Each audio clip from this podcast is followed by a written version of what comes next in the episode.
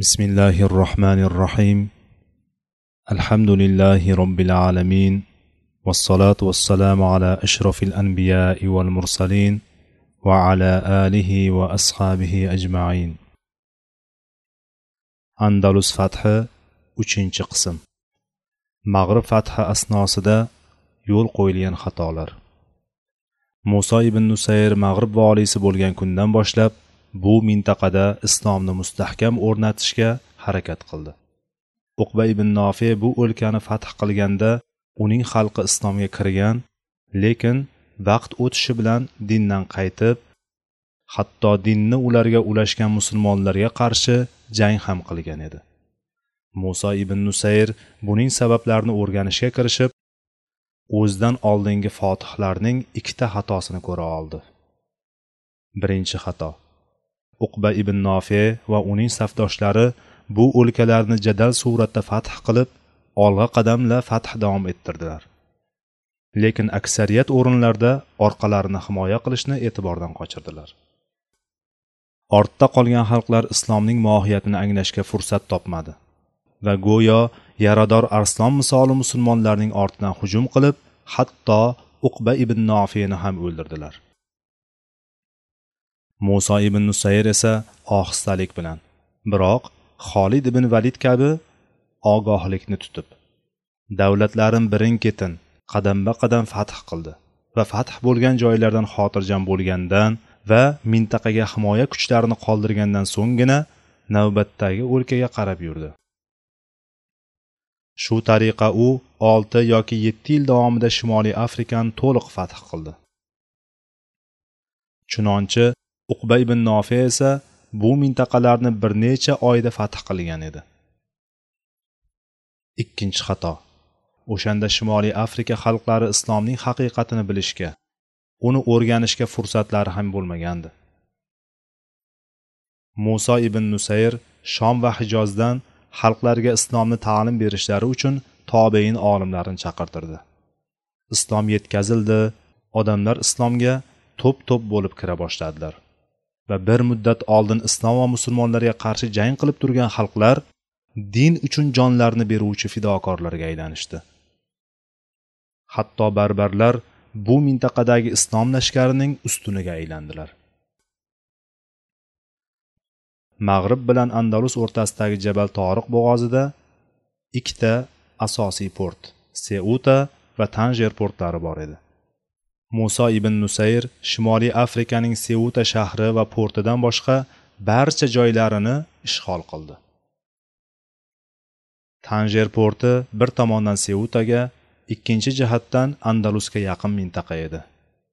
Muso ibn nusayr tanjer mintaqasiga barbar millatiga mansub o'ta mohir yetuk sarkarda toriq ibn ziyodni voliy etib tayinladi. Toriq ibn ziyod rahimaulloh barbarlarga xos shakl shamoilda. Gavdali oq tanli ko'k ko'z va malla soch edi. Ba'zi tahlilchilar barbarlar yevropaliklarga juda o'xshagani uchun ularning asllarini yevropalik deb e'tibor qilishganlar. Muso ibn nusayr shimoliy afrikani to'liq fath qilgandan so'ng alloh taoloning ey mo'minlar yoningizdagi kofirlarga qarshi jang qilinglar va ular sizlardagi kuch quvvatni ko'rsinlar. Bilinglarki albatta olloh taqvodorlar bilan birgadir degan so'ziga binoan shimoliy afrikaga yanada aniqrog'i mag'ribga yondosh andalus mintaqasini fath qilishni fikr qildi. Lekin uning andalus fathi haqidagi fikri yangi emas balki qadimgi rejalardan biri edi. Islom tarixida uchinchi xalifa ikki nur sohibi usmon roziyallohu anhu zamonida ancha katta islomiy futuhotlar bo'ldi. O'sha davrda musulmonlar qustantiniya ya'ni hozirgi kundagi turkiyaning istanbul mintaqasigacha yetib kelib uni qamal qilishga ham muvaffaq bo'ldilar. Biroq ularga uni fath qilish nasib bo'lmadi. O'shanda usmon ibn affon roziyallohu anhu qustantiniya dengiz tarafdan fath qilinadi. Agar andalusni fath qilsangiz oxiratda qustantiniyani fath qilganlarga ajr savobda sherik bo'lasizlar dedilar.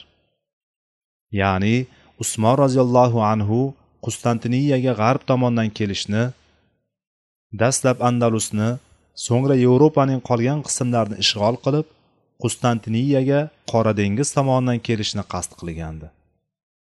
Lekin o'sha paytlar musulmonlar andalus yerlarigacha yetib kela olmadilar. Faqat umaviylar davlati zamonida shimoliy afrikada muso ibn nusayr voliyligi davridagina yetib keldilar. Andalusni fath qilishni o'z oldiga maqsad qilib olgan muso ibn nusayrning qarshisidan bir necha muammolar chiqdi. Jumladan transport tanqisligi. Mag'rib bilan andalus orasida eng kamida 13 kilometr masofa bor edi. Yuqorida zikr qilganimizdek jabal toriq bo'g'ozining eng tor joyi 12 butun o'ndan yetti kilometr eng keng joyi esa 37 kilometr edi. Musulmonlarning suvdan iborat bo'lgan bu masofani kesib o'tishlari o'ta mushkul bo'lib katta qo'shinni olib o'tadigan ulkan kemalari yo'q edi. Chunki o'sha paytlar musulmonlar olib borgan janglar qibris fathi va zatus savari jangi kabi ba'zi g'azotlarni hisobga olmaganda barcha janglar quruqlikda sodir bo'lgan edi. Shu sabab katta kemalarga ehtiyoj bo'lmagandi. Hozir esa vaziyat katta kemalar bo'lishini taqozo qilmoqda. Ikkinchi muammo baliyar orollarida istiqomat quruvchi nasroniylarning orqada qolayotganligi. Bu orollar andalusning sharqida o'rta yer dengizining g'arbida joylashgan bo'lib ularning kattalari malyorka minorka ivisa formentaradir. Muso ibn nusayr o'tganlarning xatosiga yo'l qo'ymayin desa orqada qolayotgan mintaqalardan xotirjam bo'lishi xossatan baliyar orollaridagi nasroniylarning ishini hal qilmasdan andalusga kirmasligi lozim edi. Uchinchi muammo. Jabal toriq bo'g'ozi bo'ylab cho'zilgan seuta portining kaunt julian ismli nasroniy hukmidaligi. Julian asli andalusdagi got qabilasiga mansub bo'lib andalusning sobiq podshosi vititsa bilan iliq munosabatda edi. Ma'lumingizki roderik unga inqilob ko'tarib taxtdan ag'dargan va o'zi uning o'rnini egallagan edi. Shu sabab seuta hokimi julian bilan andalusning yangi podshosi roderikning munosabatlari teskari edi. Lekin muso ibn nusayr bu dushmanni o'z holida orqada qoldirishi mumkin emasdi. Zotan o'zaro kelishmay turgan nasroniylarning musulmonlarga qarshi birlashish ehtimoli juda kattadir. To'rtinchi muammo. Musulmonlar sonining ozligi. Arab yarim oroli shom va yamandan kelgan musulmonlar soni oz bo'lib butun shimoliy afrikaga yoyilgan edi. Ularning barchasini andalus sari safarbar qilish katta muammo tug'dirishi mumkin ya'ni afrika xalqlari isyon ko'tarishi mumkin edi. Shuningdek buning singari oz qo'shin bilan andalus o'lkasini fath qilish o'ta mushkul ish edi. Beshinchi muammo. Andalus nasroniylarining ancha quvvatli va ko'pligi. Andalus podshosi roderik quvvatli va o'ta manman bo'lib bahaybat armiyasidan tashqari mustahkam qo'rg'on va qal'alarga ham ega edi. Oltinchi muammo. Andalus diyori musulmonlar uchun notanish noma'lumligi musulmonlar bundan oldin andalus o'lkasiga borishmagan. Shu yuzdan ular uchun bu o'lka mutlaqo notanish edi. Faqat odamlar og'zida andalusni ishg'ol qilish o'ta mashaqqatli va tog'lar ko'p o'lka ekanligi haqidagi xabarlar yurardi.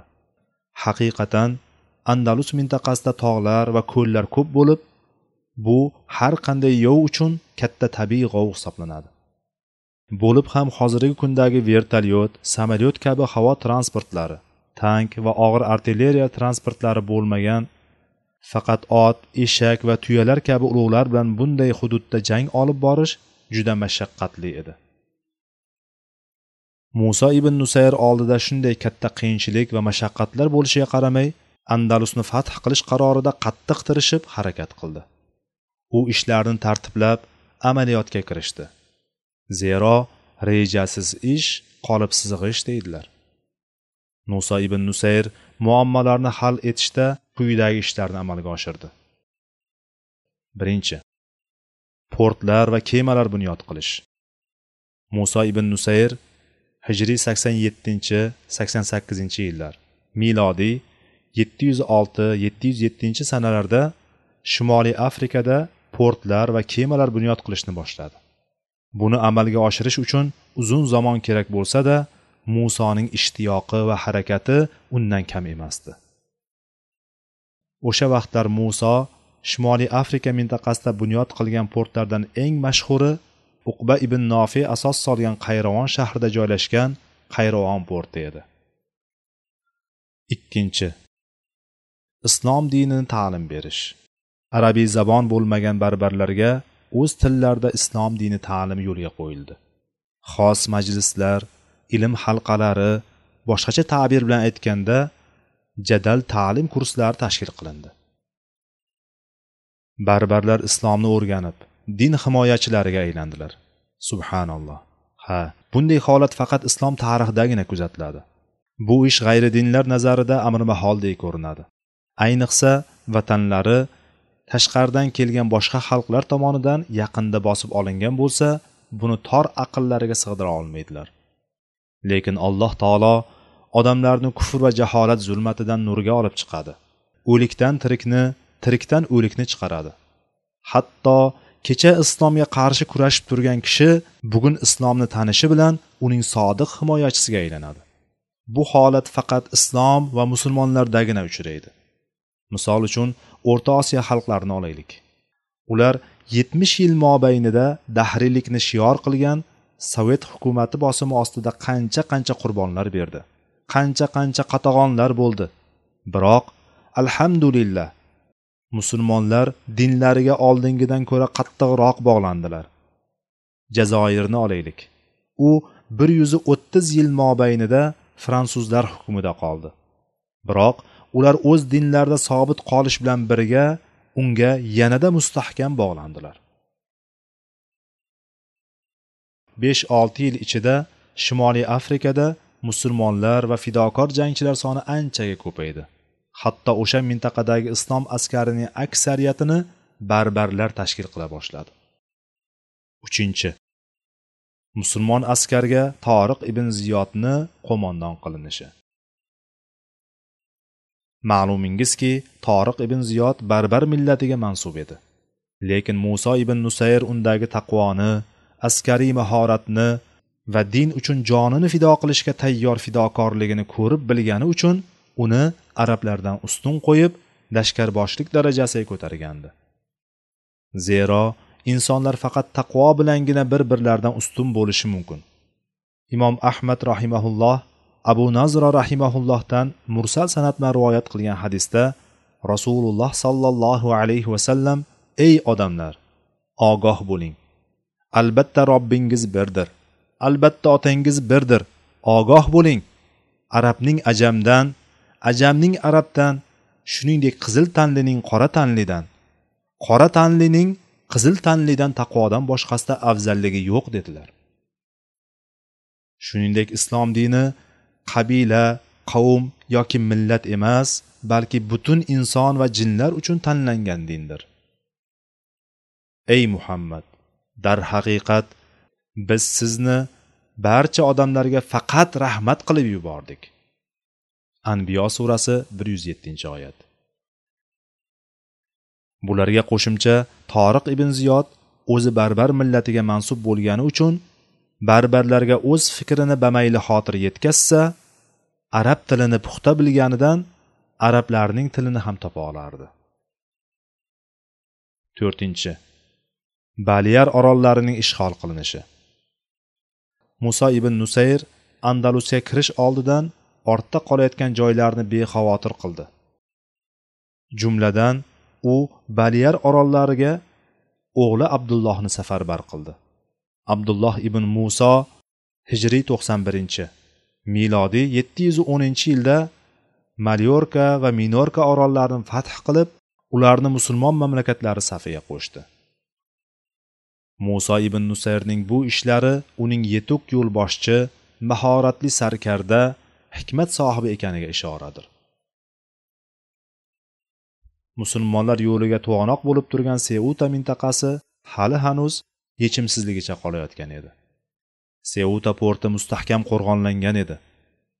Muso ibn nusayr bu muammoni yechishda bor imkoniyatlarni ishga soldi lekin muammo ha deganda hal bo'la qolmadi.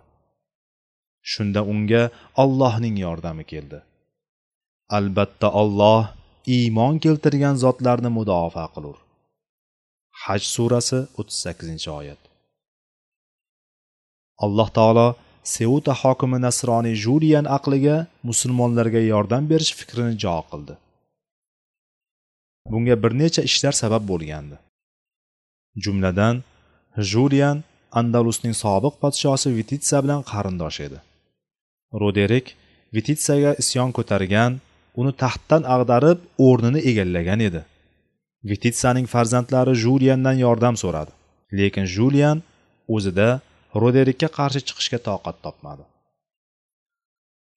Boshqa tarafdan esa go'yo seuta porti mag'rib o'lkasida musulmonlar qurshovida turardi. Musulmonlar esa tobora quvvatlanib nufuzi kengayib bormoqda. Bir kun kelib seutani ham ishg'ol qilishi turgan gap. O'shanda men qayerga qochaman yoki kimdan madad so'rayman kabi o'y fikr julianning tinchini buzgan turganda ham o'tirganda ham hatto uyqusida ham butun fikrini o'g'irlagan edi. Aksariyat rivoyatlarda kelishicha julian bilan roderik o'rtasidagi kelishmovchilikning asosiy sababi roderik julianning qizi florendani asir qilib nomusini toptagani edi. Shu sabablar tufayli julianning andalus podshosi roderikka nisbatan adovati ikki hissa edi. Roderik julianga uning qizi asirasi ekanligini aytganda julian qizini ozod qilishga roderikni yo'q qilib taxtidan ag'darishga qasam ichadi. Biroq buning uchun julian musulmonlarga ko'mak berishdan o'zga chorani topmaydi va bir qator ma'lumotlarni musulmonlarga havola qiladi. Bularga qo'shimcha roderik taxtda o'tiriboq andalus xalqiga katta soliqlar soldi. Davlatni qahr va zulm bilan idora qila boshladi. Xalq o'ta nochor holatga tushganidan toliq ibn ziyodga andalusni ishg'ol qilishga qiziqtirib elchilar jo'natish darajasiga yetdi. Julian o'ylab o'ylab toriq ibn ziyodga elchi yo'llashga qaror qildi. Toriq ibn ziyod tanjer shahrida ya'ni seutaga qo'shni mintaqada voliy edi. Julianning elchisi toriqqa uchta masala haqida xabar bergani tarix sahifalariga qayd qilindi. Birinchi seuta portini musulmonlarga taslim qilishi. Ikkinchi musulmon qo'shinni andalus yerlariga olib o'tishga kemalar berishi. Uchinchi andalus mintaqasi haqida kerakli ma'lumotlarni yetkazishini bildirgan edi. Bular ayni damda musulmonlar qarshida turgan barcha muammolar yechimi edi. Alloh azza va jallaning tadbiriga lol qolmaslikning iloji yo'q. Julian musulmonlarga taqdim qilmoqchi bo'lgan narsalar evaziga do'sti vititsaning mulkini so'radi. Uning andalus o'lkasida uch mingta ko'chmas mulki yoki bog'lari bor edi. Baxtga qarshi bu mulkni roderik egallab olgandi. Buni eshitgan toriq ibn ziyod g'oyat quvondi. Chunki julian talab qilayotgan evaz julian uchun qadrli bo'lsa da musulmonlar nazarida arzimas dunyo matosi edi xolos. Musulmonlar andalus yoki boshqa o'lkalarni fath qilganda o'shal mintaqalardan g'animat dunyo orttirish yoki moddiy va ma'naviy boyliklarga ega bo'lishni qasd qilmadilar. Balki xalqlarni kufr va shirk botqog'idan islom nuriga olib chiqishni haq din islom dinini ta'lim berishnigina maqsad qildilar. Toriq ibn ziyod bu ma'lumotlar bilan qayravonga muso ibn nusayr huzuriga otlandi. Buni eshitgan muso ibn nusayr juda xursand bo'ldi va u ham o'z navbatida o'sha paytdagi umaviylar xalifasi valid ibn abdul malikka maktub yo'lladi. Maktubda nasroniy juriyandan olingan ma'lumotlar xabar berilib andalusga kirishga izn so'ralgan edi. Xalifa valid ibn abdul malik andalus o'lkasiga birgina nasroniyning xabari bilan hujumga kirishga izn bermadi. Dastlab bir guruh musulmon qo'shinni ya'ni sariya ko'rinishidagi bir guruh qo'shinni jo'natishini va nasroniyning xabari to'g'riligiga ishonch hosil bo'lgandan keyingina jumlatan borishlariga izn berdi. Muso ibn nusayr besh yuz kishilik askarni jihozlab ularga abu zura torif ibn molikni amir qildi va andalus sari safarbar qildi. Torif ibn molik ham barbar millatiga mansub edi. Milodiy yetti yuz o'ninchi yil iyul hijriy to'qson birinchi yil ramazon oyida besh yuz askar 400 ta piyoda 100 ta suvoriydan iborat sariya 4 ta kemaga minib mag'ribdan andalusga qarab jabal toriq bo'g'ozini kesib o'tdilar. Torif ibn molik andalusning janubiy mintaqasini o'rganishni boshladi. Bu andalus yerlariga musulmonlarning ilk qadam qo'yishlari edi. Bu mintaqa sarkarda torif ibn molik nomi bilan torif oroli deb ataladigan bo'ldi. Xullas torif andalusning janubiy mintaqasining jo'grafik holati va muhitini o'rganib ortiga qaytdi. Torif keliboq muso ibn nusayr huzuriga borib ko'rgan bilganlarini bekami ko'z yetkazdi. Bu ma'lumotlarni olgan muso ibn nusayr to'liq bir yil katta e'tibor bilan qo'shin hozirlab tayyorgarlik ko'rdi. U milodiy yetti yuz o'n birinchi yil aprel hijriy to'qson ikkinchi yil rajab oyida barbarlardan iborat yetti ming qo'shin hozirladi va ularga toriq ibn ziyodni boshliq qildi. Bu armiya safida arablar juda oz edi. Voqeaning davomini navbatdagi suhbatlarimizda e'tiboringizga havola qilamiz inshaalloh vallohu taala alam. Subhanakallohumma va bihamdik. Ashhadu an la ilaha illa anta astag'firuka va atubu ilayk. Va axiru da'vana anil hamdulillahi robbil alamin. Vassalamu alaykum va rahmatullohi va barakatuh.